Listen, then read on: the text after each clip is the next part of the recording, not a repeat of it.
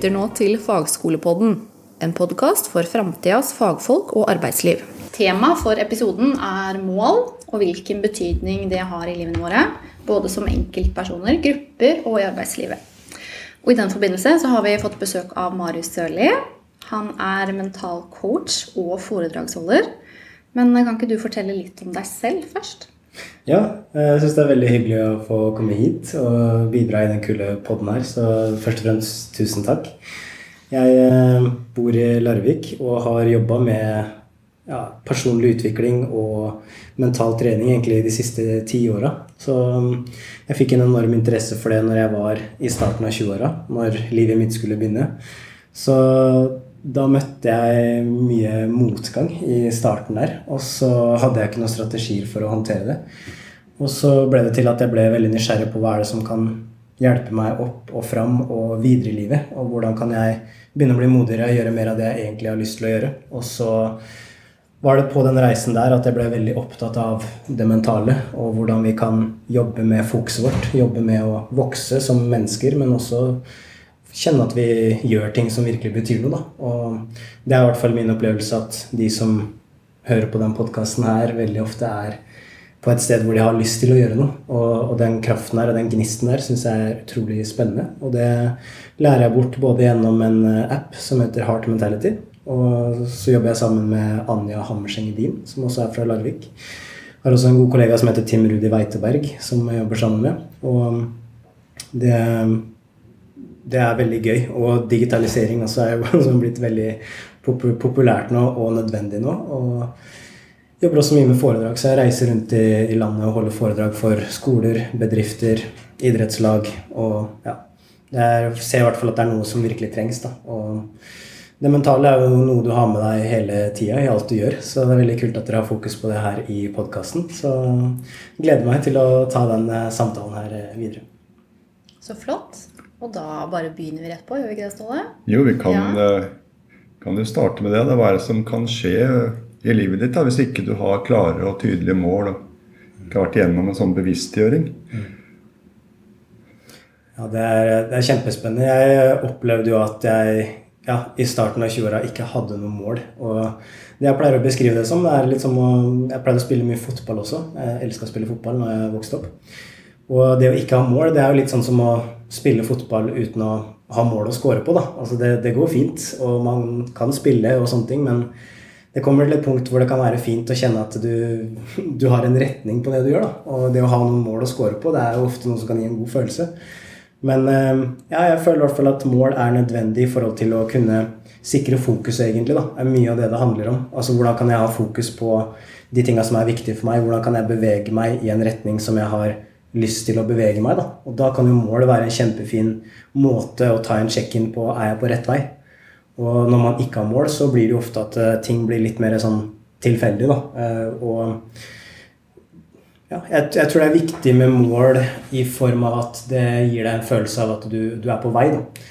Og så er det jo selvfølgelig ulike måter å jobbe med det på, som vi også skal snakke om i dag. Men jeg også kjente på det å ikke ha noe retning og ikke ha noe mål og mening med livet. Sånn, bare testa litt forskjellige ting og prøvde litt forskjellige ting, og jeg var ofte forma av hva andre syns og hva andre gjorde. Så jeg valgte jo skole fordi at vennene mine valgte skole og prøvde å finne litt ut av ting. men altså, Jeg syns mål ble veldig spennende når jeg også jobba med å stille meg sjøl spørsmålet hva, hva er det som er viktig for meg, og hva er det jeg har lyst til å gjøre, og hva er det jeg egentlig drømmer om, hvis jeg tør å være litt ærlig med det. Da. Og da er jo i hvert fall noe som jeg ser at mål kan være en stor hjelp til. Å klare å holde fokus på det som kan bevege deg på den retningen. Og det er jo kanskje lettere noen gang å være distrahert og gjøre alt mulig annet. Så det å kunne ha noe som sikrer at du er på en, en god vei, og sikrer at du ikke søler bort eh, for mye tid og ressurser på andre ting. Det, det tror jeg kan være veldig nyttig. da, Å ha det som en hjelp til å fylle livet ditt med mer av det du vil ha. Og uh, ja, det tror jeg er viktig i forhold til å, å ha en retning. Da, å ha noe som beveger deg i en slags retning. Og da kan målet være veldig fint i forhold til det. Mm. Så flott. Eh, men hvordan setter man gode mål? Du var jo litt inne på det. liksom Finne ut hva er det jeg vil. Mm. Men det kan jo være litt vanskelig også, egentlig. Mm. Hvordan finner man ut eh, Nå stilte jeg et annet spørsmål, da, men det går jo fint. Men uh, hvordan kan man finne ut av hva man egentlig vil? For det er ganske vanskelig for noen, mm. kanskje. Ja. Jeg syns det er vanskelig, i hvert fall. Ja, helt klart. Jeg syns også det var kjempevanskelig. Og jeg husker at det er noe som jeg faktisk måtte lære meg. Fordi at jeg hadde ikke, hadde ikke trent på det. Jeg hadde ikke fått noe trening i hvordan finne ut hva jeg vil. For jeg syns det var skummelt. For det er sånn hm, Hva vil jeg? Det er mye tryggere å gjøre det alle andre gjør, og passe inn.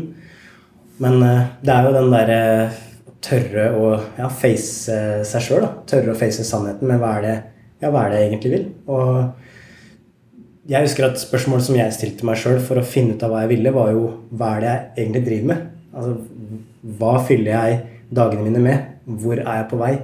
Hva er de valga jeg har tatt? Er det valg som føles rett, eller er det kanskje valg som jeg tenker jeg fint kunne klart meg uten? da, eh, Og det å klare å kalibrere litt ut ifra det, da, og finne ut av Altså, vi har det livet her, da, og vi skal leve det én eh, gang. Og vi skal gjøre Et sitat som jeg husker jeg hørte som hjalp meg veldig med det her, var at i det livet her så skal vi gjøre alt vi noensinne kommer til å gjøre. Og når jeg, når jeg stilte meg sjøl spørsmålet, så Oi, det er, ikke, har, nå er det, nå jeg har sjansen. da. Så hvis ikke jeg prioriterer og tenker på hva som er viktig for meg nå, så vil jeg ikke få muligheten til å oppleve hvordan det er.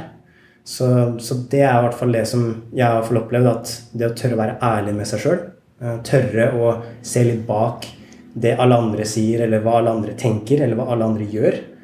Eh, jeg hørte på en episode av med Innovasjon Norge, blant annet. Og veldig kult det de snakker om der, i form av at det er også viktig å tørre å gå sin vei. F.eks. hvis man har en bedrift eller man er gründer. og ikke bare smelte inn i de store selskapene eller tørre å gjøre noe eget. Og Det er veldig overførbart til livet også. fordi hvis du bare gjør det som alle andre gjør, uten å finne ut av eller tenke på hva er det jeg vil, så er altså Hvis ikke du lager din egen plan, så er sjansene store for at det passer inn i alle andres. da. Så jeg tror det, Og det er kanskje derfor det er vanskelig, fordi at det å være ærlig med seg sjøl er ofte skummelt. Og det er ikke ofte vi setter oss ned og liksom, skal være ærlig med meg sjøl. Det, det, er ikke noe vi bare gjør naturlig og gjør frivillig veldig ofte. Men, eh, men jeg syns i hvert fall at eh, det er der mye av kjernen ligger. da, Og ikke, ikke, se på det som at det må være på en bestemt måte, men kanskje møte det med nysgjerrighet. da. For det var det jeg måtte gjøre, for jeg hadde jo ikke vært nysgjerrig på det. Og derfor hadde jeg heller ikke funnet noe ut av det. Og det er veldig vanskelig å finne noe som du ikke leter etter. Så det er derfor det er viktig ja. å begynne å lete etter ja, hva, hva er det jeg faktisk vil. Og hvis jeg skulle bare Som jeg pleier å si noen ganger, da, bare si litt uh, fuck it, hvis det er lov å si det. Ja, men bare uh, ikke, ikke høre hele tida på hva alle andre tenker eller hva andre syns. Men sånn, jeg pleier å si sånn Ja, men hvis du bare hadde sagt fuck it nå, da, og du kunne gjort hva du ville Du hadde hatt alle ressursene, og du hadde gjort noe som du gledelig hadde gjort. Kanskje du ikke hadde trengt penger engang for å gjøre det. Altså, Hva ville det vært? Og Da har jeg opplevd ofte i samtaler når vi har det fokuset, da, at det er litt mer nysgjerrighet, litt mer lek i starten, så blir det litt mer sånn oh, ja, men da ville jeg kanskje testa det, eller da ville jeg kanskje meldt meg på den skolen, eller da ville jeg kanskje gjort det på den måten. Og det er sånn Å, oh, kult. Og da har du sådd noen frø da, på egentlig hva som er viktig for deg, og hva du egentlig har lyst til. Og når du da begynner å utforske det mer og mer, så er det akkurat som å vanne de frøa der. Og da, og da, kan du jo se mer av det. Og det er også sånn hjernen vår fungerer også, hvis vi skal bli litt nerdete med hjernen. da, ehm, det er jo at Vi har jo et filtersystem i hjernen vår som kalles for ehm, det kalles for rassen. Det hørtes litt rart ut, men eh, det står for det retikulære aktiveringssystemet. Og Det er et senter som er sånn cirka fra, altså fra starten av hjernen. og det er sånn lokalisert her. Nå du, ser ikke du det, du som hører på, men det er sånn ca. midt ved hjernestammen, da, litt lenger ned i hjernen. Og den bestemmer hva slags informasjon som kommer ut i resten av hjernen. Og et eksempel på det er jo sånn eh, Hvis enten du har fått deg en bil, eller noen du kjenner har fått seg en bil, eh, og så dagen etterpå så ser du den bilen overalt. Og det har ikke blitt masseprodusert masse biler over natta, men det, det, har skjedd noe i hjernen din, og det er at nå ble plutselig den viktig. Å huske den bilen, eller huske den bilen til naboen eller til vennen din, for da trenger du å hilse. ikke sant? Eller 'Oi, det er min bil'. Eh, det var der jeg parkerte. Og det som vi gjør viktig, det ser vi mye, mye mer av. Og det er derfor det også er viktig at vi tør å drømme. Tør å stille oss spørsmål hva som er viktig. For i det øyeblikket vi begynner å utforske det og begynner å bli nysgjerrig på det, det er da vi også får en mulighet til å se det. Og da bruker vi også hjernen vår til å kunne legge merke til mer av hva det kan være. Og så har vi jo ikke fasiten alltid når vi starter. Eh, og det tror jeg det som ofte er litt vanskelig. fordi at det å passe inn, det å gjøre de trygge valga, det er noe som ofte er forutbestemt. Da. Altså det er noe det er veldig lett å vite. Jeg tar det løpet her, jeg går igjennom disse skolene, eller jeg tar det uh, valget her, så kommer jeg dit. Så har du forutsigbarhet. Men uh, det er jo kanskje der også man også kan oppleve mye utvikling og mye spennende livet sitt, da, når man tør å også gå inn i noe som er ukjent. Og tør å utforske litt mer ut ifra hva er det som føles rett for meg, og som føles bra for meg og min integritet. Og, og, og hva om jeg bare begynner å utforske det litt mer? Og så jeg tror at mye av det handler også om å gjøre det viktig nok. Fordi det er så lett å gjøre alt annet viktig. Så det å, det, det å tørre å face sannheten, tørre å lete etter hva det egentlig vil, og akseptere også at de svara kanskje ikke kommer med en gang. Noen ganger så trenger vi faktisk litt tid før vi begynner å, å se ting. Eh, og, og, det er i hvert fall det som jeg syns er spennende i, i, forhold til det. da, Hvordan, hvordan starte. Jeg tror det, du starter med å bare stille deg spørsmålet hva, hva er det jeg egentlig vil. Og hvis jeg bare hadde tenkt litt fuck it, hva, hva hadde jeg gjort da? Hvis jeg ikke hadde hatt de begrensningene og alle de meningene eller tankene fra andre, hva, hva ville jeg stått igjen med? Og hva ville vært spennende for meg å utforske da? Og fra det stedet der så kan det hende at du kanskje ser ting litt tydeligere og ja, vet litt mer om hvilken vei du har lyst til å gå. Takk. Spennende, Elise. Veldig. Vi lærer masse nå, vi også, da. Ja, vi gjør det, ja. altså. Så det er, hvis du skal se litt på det, hvordan, hva er egentlig et godt mål? Da, når du har vært igjennom den, kjenner litt på deg sjøl, hvem du er, begynner å få noen prioriteringer. og så skal det etter hvert få konsekvenser for handling og retning og hverdagen din. Hvordan er det du kan sette deg Hvordan ser et sånt mål ut, egentlig? Mm. Et godt mål. Ja, det er jo selvfølgelig veldig individuelt, da. Hva, hva, hva som er viktig for, for, alle mennesker. Men et godt mål Jeg vil jo si at det er godt forankra i noe som oppleves som meningsfullt. Da. Så jeg husker at et mål som jeg satte meg, som jeg eh, hadde, og som jeg visste ville bevege meg i mitt liv, det var jo det at når jeg ble ærlig med meg sjøl, og jeg merka at jeg fikk den store interessen for det mentale og fokus og personlig utvikling. Altså jeg ble, helt, jeg ble så interessert i det, og jeg ble så oppslukt i det. Og jeg begynte å skrive ut masse notatbøker. og Jeg, liksom, jeg hadde aldri hatt en sånn type interesse før. Og kanskje noen av de som lytter til å ha merka det, at det som du kanskje interesserer deg for nå, kanskje var helt utenkelig for kanskje noen år tilbake. Men når, når jeg ble ærlig med meg sjøl, så fant jeg ut at oi, jeg fikk jo også et stort behov for å ha lyst til å formidle det her videre til andre. Og da var det jo litt sånn at da, for å formidle noe videre, så trenger jeg da lære meg å snakke med folk, f.eks. Presentere ting, formidle ting. Jeg så veldig opp til de som var foredragsholdere, og de som turte å gå i front. da. Og da husker jeg at jeg fikk en sånn derre oh, oh. Jeg har en drøm som også er en del av en stor frykt jeg har. da. Det å snakke foran andre og sånne ting. Jeg var kjemperedd for å snakke høyt i forsamlinger og snakke med folk jeg ikke kjente i det hele tatt i starten av 20-åra. Men da husker jeg det at når jeg da begynte å leke med det, om hva kunne vært et godt mål for meg da, i den perioden der, når jeg fant ut av det, så tenkte jeg at ja, hvis jeg hadde hatt som mål da, f.eks. holde mitt første foredrag da, Det er veldig, veldig konkret, men det er linka opp til en drøm jeg har om å kanskje en dag kunne leve av å formidle det her til andre mennesker. Og da visste jeg at det målet der var et, et lite steg på en lengre vei men jeg visste at hvis jeg kommer dit, så kan jeg med trygghet vite ganske sikkert at da har jeg kommet et stykke på veien. Da. Så da får, jeg, da får, jeg, en mening, da får jeg en relevans. Da skjønner jeg at hvis jeg jobber mot dette målet, så tar det meg nærmere denne drømmen eller disse tingene som jeg har lyst til å oppleve eller oppnå i livet mitt. Da. Så, og da hadde jeg sånn at ok, nå skal jeg gi meg sjøl et uh, år. Det var jo litt sånn lang, langsiktig mål, da. Men det hadde jeg som mål at i løpet av utgangen av dette året så skal jeg ha holdt mitt første foredrag. Da. Og da, da var jo det kjempeskummelt å sette det målet. For det var liksom sånn oh, Jeg vet ikke hvordan jeg skal få det til, eller jeg vet ikke hva jeg skal gjøre. Og strategiene var ikke på plass, men jeg hadde i hvert fall målet der. Og da var jo det noe som da påvirka meg og valga mine, som du sa i stad, Ståle, at det, påvirker jo handlingene dine. Fordi at hvis du har et mål uten å gjøre noe for å nå det, så er det bare, da er det bare luft. Men i det øyeblikket du faktisk begynner å gjøre ting som er i samsvar med det målet, så da begynner det å skje ting. Da begynner du å bevege energi mot noe som betyr noe. Så, så, da er det jo egentlig Og da tok jeg sånn Det var det målet. Og så var det det å jobbe med okay, hva skal til for å få til det. da? Hva trenger jeg gjøre? Hva trenger jeg lære? Hva, hvem kan jeg spørre? Og bli nysgjerrig på strategier og måter jeg kan jobbe med å komme nærmere dit. Så, men jeg kjente jo at det målet var noe jeg hadde lyst til. Og det var der jeg kjente at hm, hvis jeg setter meg det målet der Du har kanskje satt deg mål også som er sånn Ja, det er lurt. Ja, jeg burde gjort det. Eller jeg burde trent mer. Eller jeg burde gjort sånn og sånn og sånn. Og så kjenner du liksom på slutten av dagen at ja, det er ikke jeg hopper ikke rundt og sier 'yes', det har jeg kjempelyst til. Men jeg husker at jeg satt der og jeg tenkte på sånn Wow, tenk om, jeg, tenk om jeg får til det målet her. Det hadde vært så kult. Og da vet jeg at jeg må vokse, og da vet jeg at jeg trenger å gjøre ting utenfor komfortsonen. Og da visste jeg at det var et godt steg på en lengre vei, da, som jeg sa i stad. Så det er kanskje sånn man kjenner at målet er godt. Det er at du, får, du har lyst til å ta det.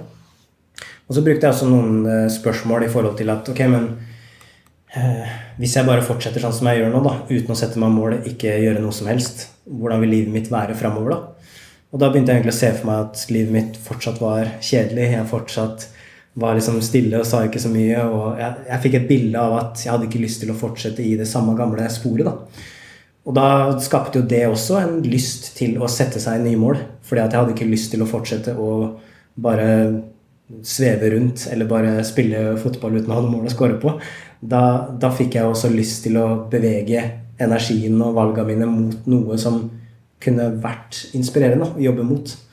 Så, så, det er også sånne to veldig fine spørsmål. Hva er, jeg, hva er det jeg ikke har lyst til å gjøre? Og hva er det jeg har lyst til å gjøre? Hva vil jeg oppnå? Hva vil jeg unngå? Og de, og de spørsmåla der kan generere litt mer retning inn mot uh, et godt mål, da, tror jeg. At da kommer du i kontakt med ja, men jeg har ikke lyst til å bare sier at du har lyst til å, å stå i et fag, da, eller gjennomføre den treårige utdannelsen. Du har ikke lyst til at du skal bare søle bort alt, og så prioriterer du tid, men du bare gjør ting halvveis, f.eks. Så da, da, vet du at mest sannsynlig så må du da gå på skole i flere år. Eh, det tar lengre tid før du kan prioritere annerledes. da. Eh, så, så, sånne ting også kan være med på å skape motivasjon, tror jeg. da, At du ser verdien av å uh, gjennomføre måla dine, gjøre de tinga som er viktig, og ikke Og så litt sånn personlig karakter. da, Hvem har jeg lyst til å være? Og hvordan kan jeg vise at jeg kan faktisk vokse, og jeg kan bli bedre i den situasjonen her, da. Så, så det er i hvert fall sånn jeg tror at man kommer fram til gode mål, at det er relevant i forhold til det du ønsker å gjøre. og og så ser du også at det beveger deg framover. Eh, og det slipper å gjøre at du går på stedet hvil eller går tilbake igjen. Eh, og det beveger deg framover. Og når du i tillegg får en god følelse av det, da tror jeg du er på et veldig godt sted. Da, og da har du i hvert fall øker du sjansene for at det målet du setter, og den retninga du tar, er noe som uansett om du klarer det eller ikke, så føles det i hvert fall rett. Og så er det i tråd med ja, kanskje verdiene dine da, og det som er viktig for deg. Og da da tror jeg vi er inne på et godt sted når vi skal jobbe med mål. Så var du litt inne på det, liksom, dette med sammenhengen mellom mål og motivasjon. Den er ganske tydelig, på en måte. Ja, ja veldig. Og jeg husker jo også at jeg Jeg husker det her veldig godt. altså man kan bruke ordet mål. Jeg, jeg, bruker også ofte ordet drøm. fordi jeg syns det er kult å si drøm og drømme litt. fordi det er å strekke ofte litt større. Mm. Men jeg husker at jeg hadde jo en periode i starten av 20-åra hvor jeg måtte jobbe et år. Da, for å, som, ja, jeg visste ikke helt hva jeg skulle gjøre, og jeg trengte litt mer tid på meg. Så husker jeg satt i kassa på Rimi når det var, det var Rimi da, den ja, gangen. Det, Rimi, ja. det fins ikke nå lenger. Eh, RIP eh, Rimi. vi var ikke så gode på pris, men vi var gode på service. Det husker jeg. så det var sånn vi skylda oss ut. Men jeg husker jeg satt i kassa der, og jeg hadde ikke drømt. Jeg hadde ikke satt meg noen mål. Jeg hadde ikke noe, visste ikke helt hva jeg skulle gjøre. Hadde ikke tenkt så mye på det. Da husker jeg at jeg kjeda meg veldig på jobb, og jeg skjønte ikke helt ah, hvorfor gidder jeg det her. og sånne ting. Jeg merka at det var en dialog som dukka opp. Men så eh, det skjedde det ting i livet, og så førte det til at jeg da begynte å drømme. Selv om jeg ikke hadde gjort det før. Og så begynte jeg å drømme. Og så kort tid etter det så kom jeg tilbake igjen i kassa på Rimi. Og da satt jeg der og kjente på motivasjon til å være der og til å gjennomføre Det var det da et år da, som jeg måtte, måtte jobbe der. Eh, og da kjente jeg på motivasjon til å faktisk jobbe det året. Selv om ikke det var det morsomste jeg visste, å sitte i kassa der. Men jeg skjønte at nå har jeg den drømmen der framme. Og når jeg sitter her nå, så er det med på f.eks. å hjelpe meg med ting som har med økonomien å gjøre. Da. Det kan hjelpe meg med der. Det gjør at jeg kan ett år eh, med jobb her, så kan jeg sette av så og så mye penger, f.eks. Da vet jeg at jeg kan gjøre så og så mye om ett år med økonomien, f.eks. Og da forsto jeg hvordan det å sitte her i den kassa her er relevant for veien videre. Og da satt jeg i kassa, og jeg telte ikke ned minuttene, men da tenkte jeg bare sånn Kult, nå er jeg her. Det er akkurat her jeg skal være. Og det her tar meg nærmere dit jeg ønsker å være. Og så ble jeg mer fokusert på hvordan kan jeg gjøre det beste ut av det. Så, så jeg kjente jo at ved at jeg hadde en stor drøm der framme, så ga det meg motivasjon her og nå i øyeblikket. Og, og, og, det husker jeg var en sånn rar eh, innsikt å få, fordi at jeg jeg tenkte sånn, Få motivasjon til å sitte i en kasse. Liksom. Så det, sånn, jeg, jeg jo, det, var ikke det jeg fokuserte på, men jeg fokuserte på drømmen. Og så ble det at jeg fikk motivasjon for andre ting, en slags bieffekt av det. Så, så, det var jo altså Jeg tror at det er det som ofte skaper en motivasjon. Da. Man kjenner at man har tatt litt ansvar for livet sitt. Man tar litt ansvar for retningen sin. Og det var i hvert fall noe jeg merka også, at eh, i, i starten av 20-åra så var jeg veldig en sånn offermentalitet. Eh, fordi at jeg ikke hadde gjort de tingene jeg hadde lyst til å gjøre, og jeg følte at jeg levde så mye i skyggen av meg selv. Og da husker jeg at jeg liksom pleide å skylde på ja, men det er ikke noe rart at ikke jeg klarer det, for jeg kan jo ikke det, og jeg kommer fra bygda og bla, bla, bla.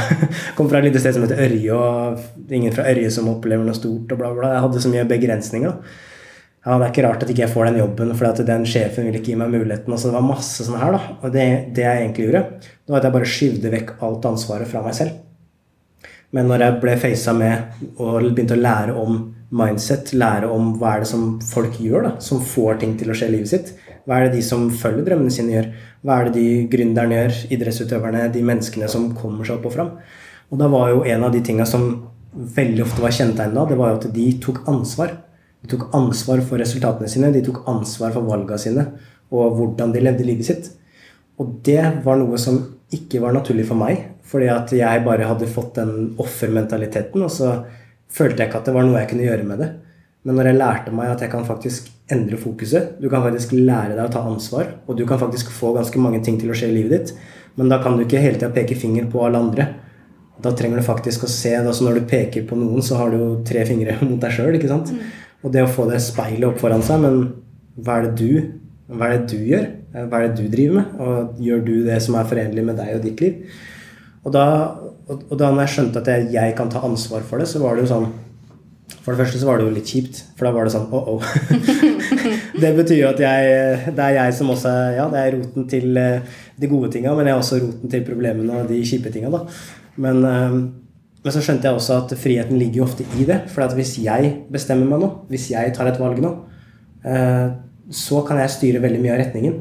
Og det er jo sånn, Hvis jeg går ut den døra der, jeg kan bestemme om jeg går til høyre eller venstre. Og, og, sånn er det i livet vårt også. Fordi at når vi lærer oss å ja, finne ut av hva som er viktig for oss, og gå etter det, da kan vi også oftere stå i og finne ut av hva vi har lyst til å gjøre, og hva vi ønsker å gjøre med livet vårt. Og det tror jeg også er en ting som skaper veldig mye motivasjon. Og så er det også mye det innenfor ja, motivasjon og den teorien der også, så ser man jo også det her med altså, selvbestemmelse det er også kjempeviktig. At jeg kjenner at jeg kan bestemme litt hvordan dagen min ser ut, eller ja, de tinga jeg gjør, enten det er på en jobb eller på skolen eller hva det er. Det at mennesker bare får lov til å velge litt selv hvordan de enten løser ting eller når de gjør ting, kan skape motivasjon. For da føler de at ja, men jeg kan faktisk gjøre ting. Hvis du hele tida får høre at nå må du gjøre sånn, du må møte opp der, du må gå dit klokka ditt og datt, og du føler ikke at du har noe selvbestemmelse i livet ditt, så er det litt sånn at du føler at du bare blir kasta rundt som en ball ofte. Og så kan du ofte, sånn som jeg gjør det, jeg blir sånn åh, må jeg gjøre det, eller åh, nå må jeg jobbe ekstra, åh, det er bare fordi du vil. Jeg har egentlig ikke lyst. Og så bare Jeg kjente hvordan motivasjonen min sank da når jeg hadde den mentaliteten hvor jeg ikke så hvordan jeg kunne gripe an ting. da. Men i det øyeblikket jeg skjønner at jeg kan faktisk bestemme en god del, og jeg kan faktisk gjøre ganske mye. Jeg kan velge hvilken skole jeg søker på, eller hvilken jobb jeg jobber mot å få. Hvilke opplevelser jeg har i livet mitt. Og det tror jeg er veldig motiverende for mennesker å kjenne at det er mulig. Å starte og gradvis ta de små valga. Det tror jeg er med på å gi en motivasjon, for da skjønner du at ja, jeg beveger meg framover, jeg tar ansvar for det. Og jeg vet også at hvis ting dukker opp, så ja, det, Hvis jeg har, eh, tar det ansvaret, så, så, kan jeg fortsatt gjøre ting.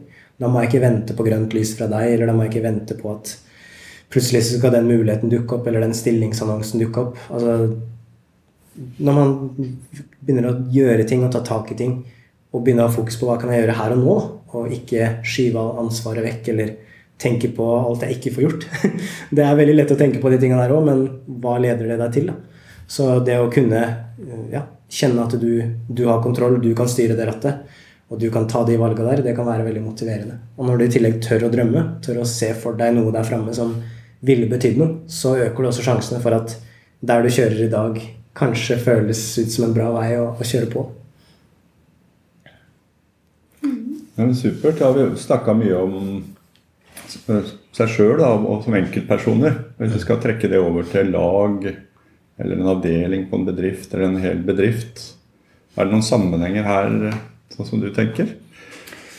Ja, helt klart. Jeg tenker jo også at mye av det individuelle det er jo veldig overførbart til, til det kollektive. Og jeg har også vært med vært i en bedrift hvor man ikke har hatt så mye motivasjon. Og da er det ofte litt de samme tingene som jeg har snakka om nå. Da, at folk føler ikke at de får bidra, folk føler ikke at de kan ha en mening, si ifra.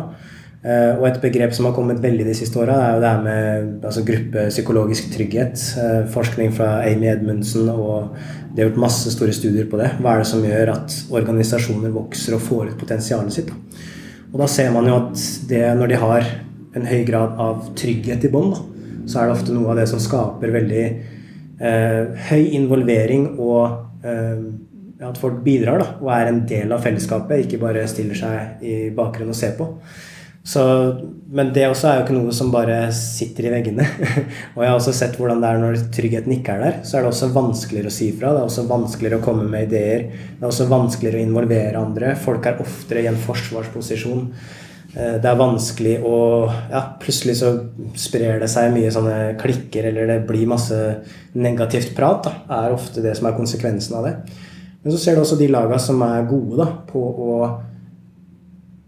bidra, ha meninger, gjøre hverandre gode, ha det fokuset. Jeg husker at det var en av de tinga som overraska meg veldig når jeg ble kjent med Anja og Gro, f.eks. De var jo de første som jeg ble kjent med her i Larvik. Så jeg flytta jo hit, og jeg kjente ingen. Men når jeg ble kjent med de, så fikk jeg være med de når de spilte på landslaget, og når de spilte på Larvik når de var topp topplag i verden.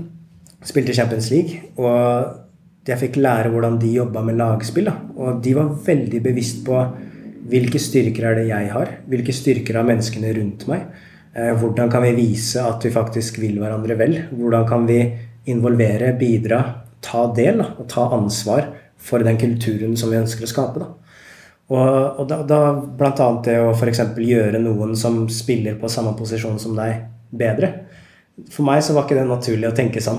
Det var noe som Anja drev med. da, Hun spilte på samme posisjon som en annen på laget. Så sa hver eneste trening så prøver jeg å gjøre henne litt bedre og gi henne tilbakemeldinger og hjelpe henne sånn at hun kan bli bedre. Og så husker jeg jeg tenkte What? Men, da er det ikke sikkert du får spille like mye. Hvorfor gjør du det? Er ikke det litt dumt? Og så sier hun nei, da, men se på det litt sånn annerledes, da. Hvis jeg gjør hun god, hva må jeg gjøre da?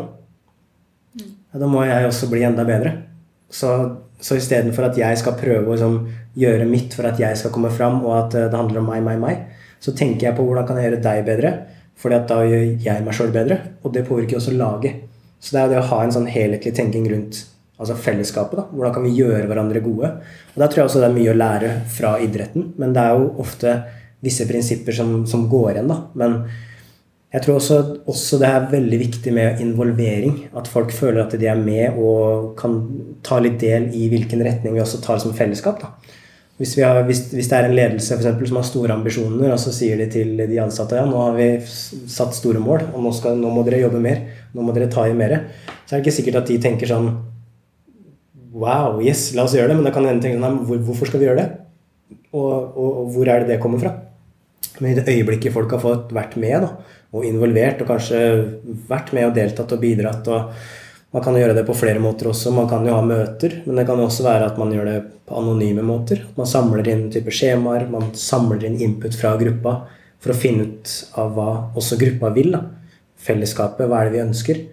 Og, og, så er det selvfølgelig avhengig av forskjellige typer mennesker også, men jeg tror også at det å, det å, føle at man er med i et lag, det handler mye om å føle at man også er med og kan bestemme litt, kan bidra litt, kan si ifra.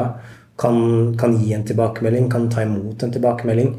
Og, og det handler ofte om å ha den, den tryggheten i bånd, men det, det, er veldig sånn kraftfullt å tenke på det sånn for sin egen del også. Når, når, har jeg lyst til å bidra inn i et lag? Hva er det som kjennetegner de, den omgivelsen jeg er med i? Og, og, det er jo noe som jeg syns er veldig fascinerende å se som hvor dypt det sitter. For felles er jo at vi alle er mennesker, selv om vi er en stor gruppe. Og vi er avhengig av trygghet, og vi er avhengig av å kunne løse ting og kunne få ting gjort. Og det er jo ikke noe barnehage når man driver business eh, heller. Eh, men det handler jo om å Jeg tror det handler mye om å gjøre hverandre gode. Da, og være nysgjerrig på mine styrker og hva jeg kan bidra med. Og hva jeg også kan bidra med for andre. da, Fokus utover også. For det, det er jo også ofte sånn man også ser, da, hvis noen, hvis noen bryr seg. og Det trenger ikke være så mye heller, men jeg tror også at det er litt sånn framtiden også. Framtidens ledelse. Jeg tror det blir mer compassion, jeg tror det blir mer omsorg da, som blir en avgjørende faktor for å få folk til å bli med, være robuste, tåle mer og føle at de, ja, de kan bli sett, og, de, kan, de, er en del av et sted hvor folk faktisk gidder å bry seg.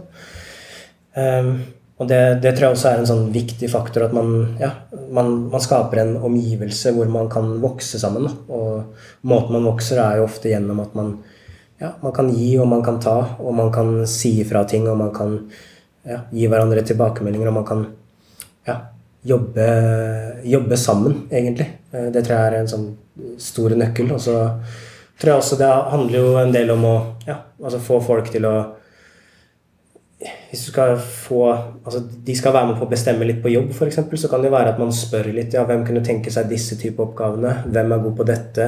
Spørre folk. Har du lyst til å gjøre sånn her? Hvem har lyst til å bidra her?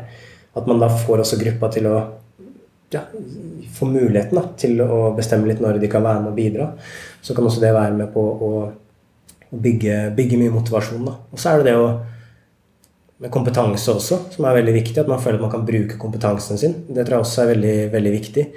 At man er et sted og man føler at man kan bruke det man har. Uh, det har jeg også sett veldig mange fine eksempler på. Uh, ja, at mennesker har, kanskje kommer ny da, inn på en arbeidsplass f.eks.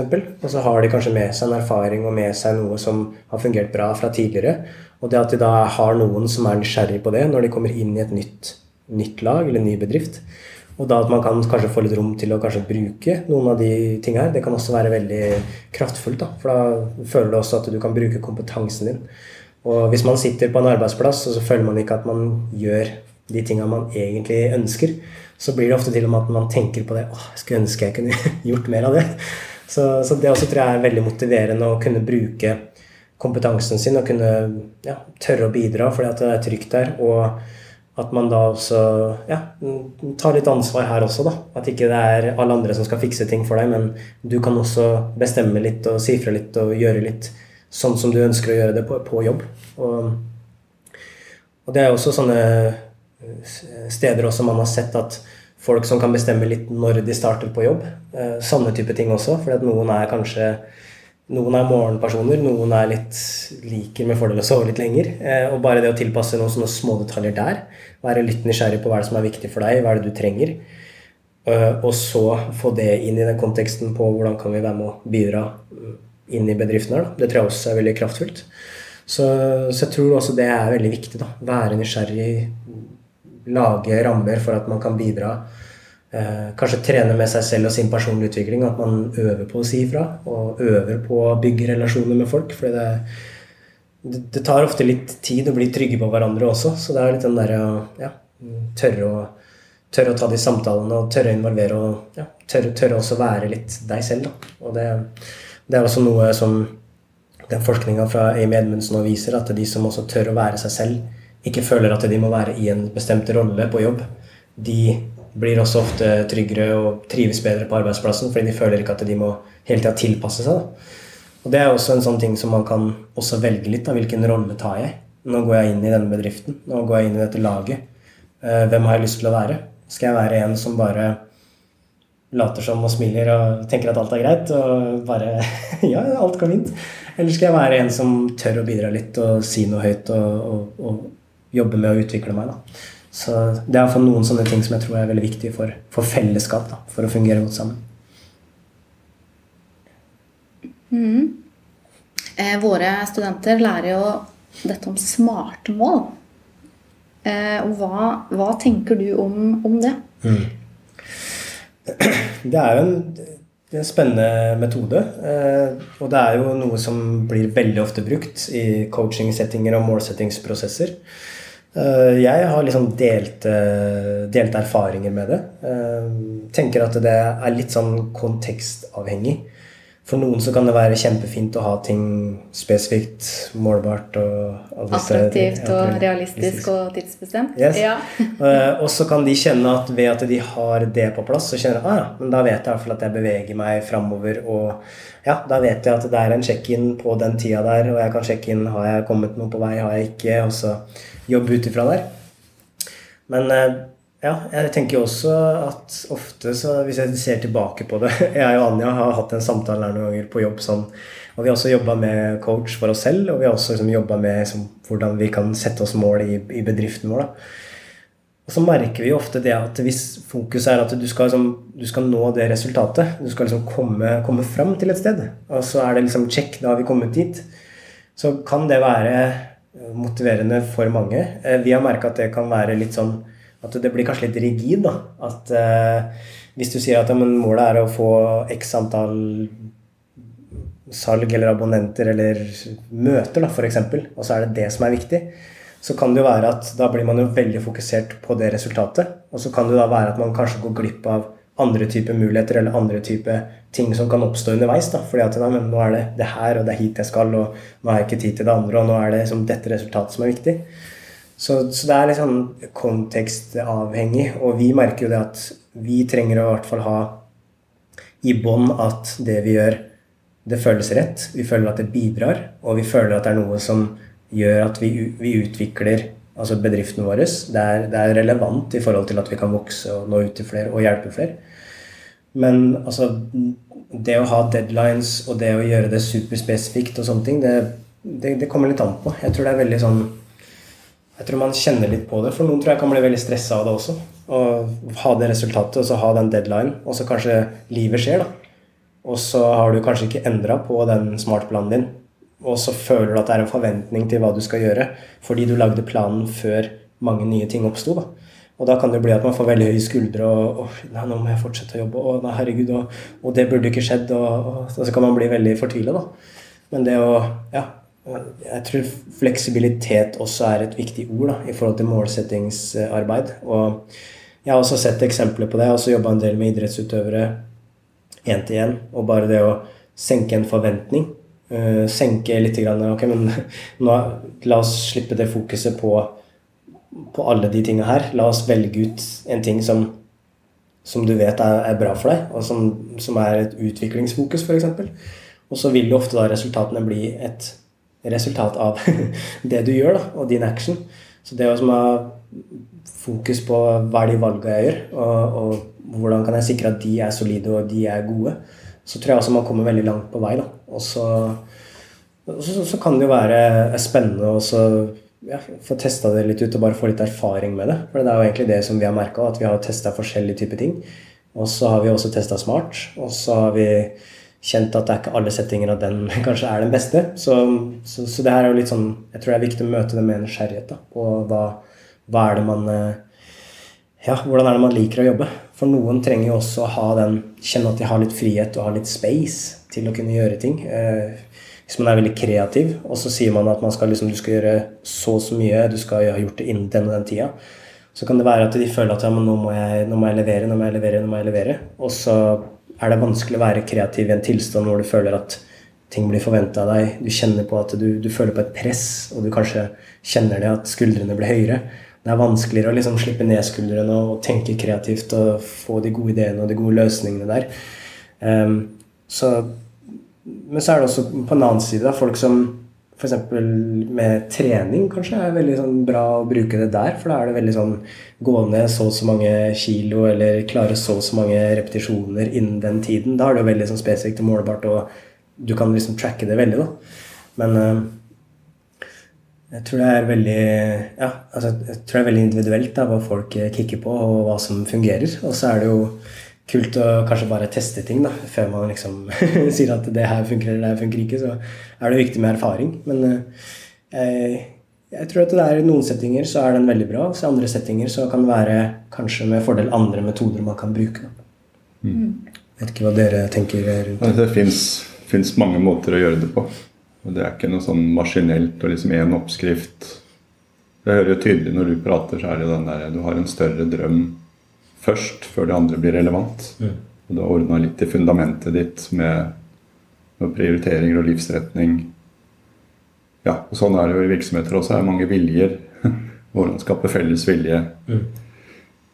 Og det her med ja, det relasjonelle og samtalene og alt det du snakker om med det fellesskapet, og hvordan få vilje til å bidra inn. Mm. Så det ligner veldig på det når vi snakka om uh, steintavlen i norsk arbeidsliv. Mm, helt klart. Og dette med autonomi, eller du brukte vel ordet selvbestemmelse. Ja, autonomi, det er også ja. ja. Også det samme. Mm.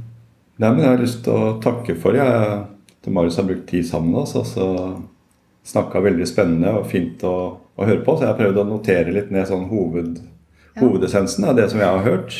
Og det er dette her først første å være ærlig med seg sjøl. Finne ut litt hvem du ja, Kjenn deg selv, som vi sa i antikken. Mm. Og hva er det som er viktig for meg? Kanskje det må komme først. Og så er det å begynne å leke seg litt med den framtidsdrømmen. Er Hvordan ser det ut? Eh, og når du har holdt på med det litt, ja, så kanskje du får Da påvirker du eh, både hode, hjerte og hender. Mm. Og at det begynner å gå i en, en ny retning. Yes. Og så ser vi jo gjennom det du forteller, det er jo store sammenhenger mellom dette her individuelle og det kollektive. da, Inni en lag eller gruppe eller egentlig en hel bedrift. Så må vi ønske lytterne våre en uh, fin dag videre. Mm. Og på gjenhør. På gjenhør. Yes. Tusen takk for at vi fikk lov til å komme. Du har nå hørt Fagskolepodden, produsert av Fagskolen Vestfold og Telemark.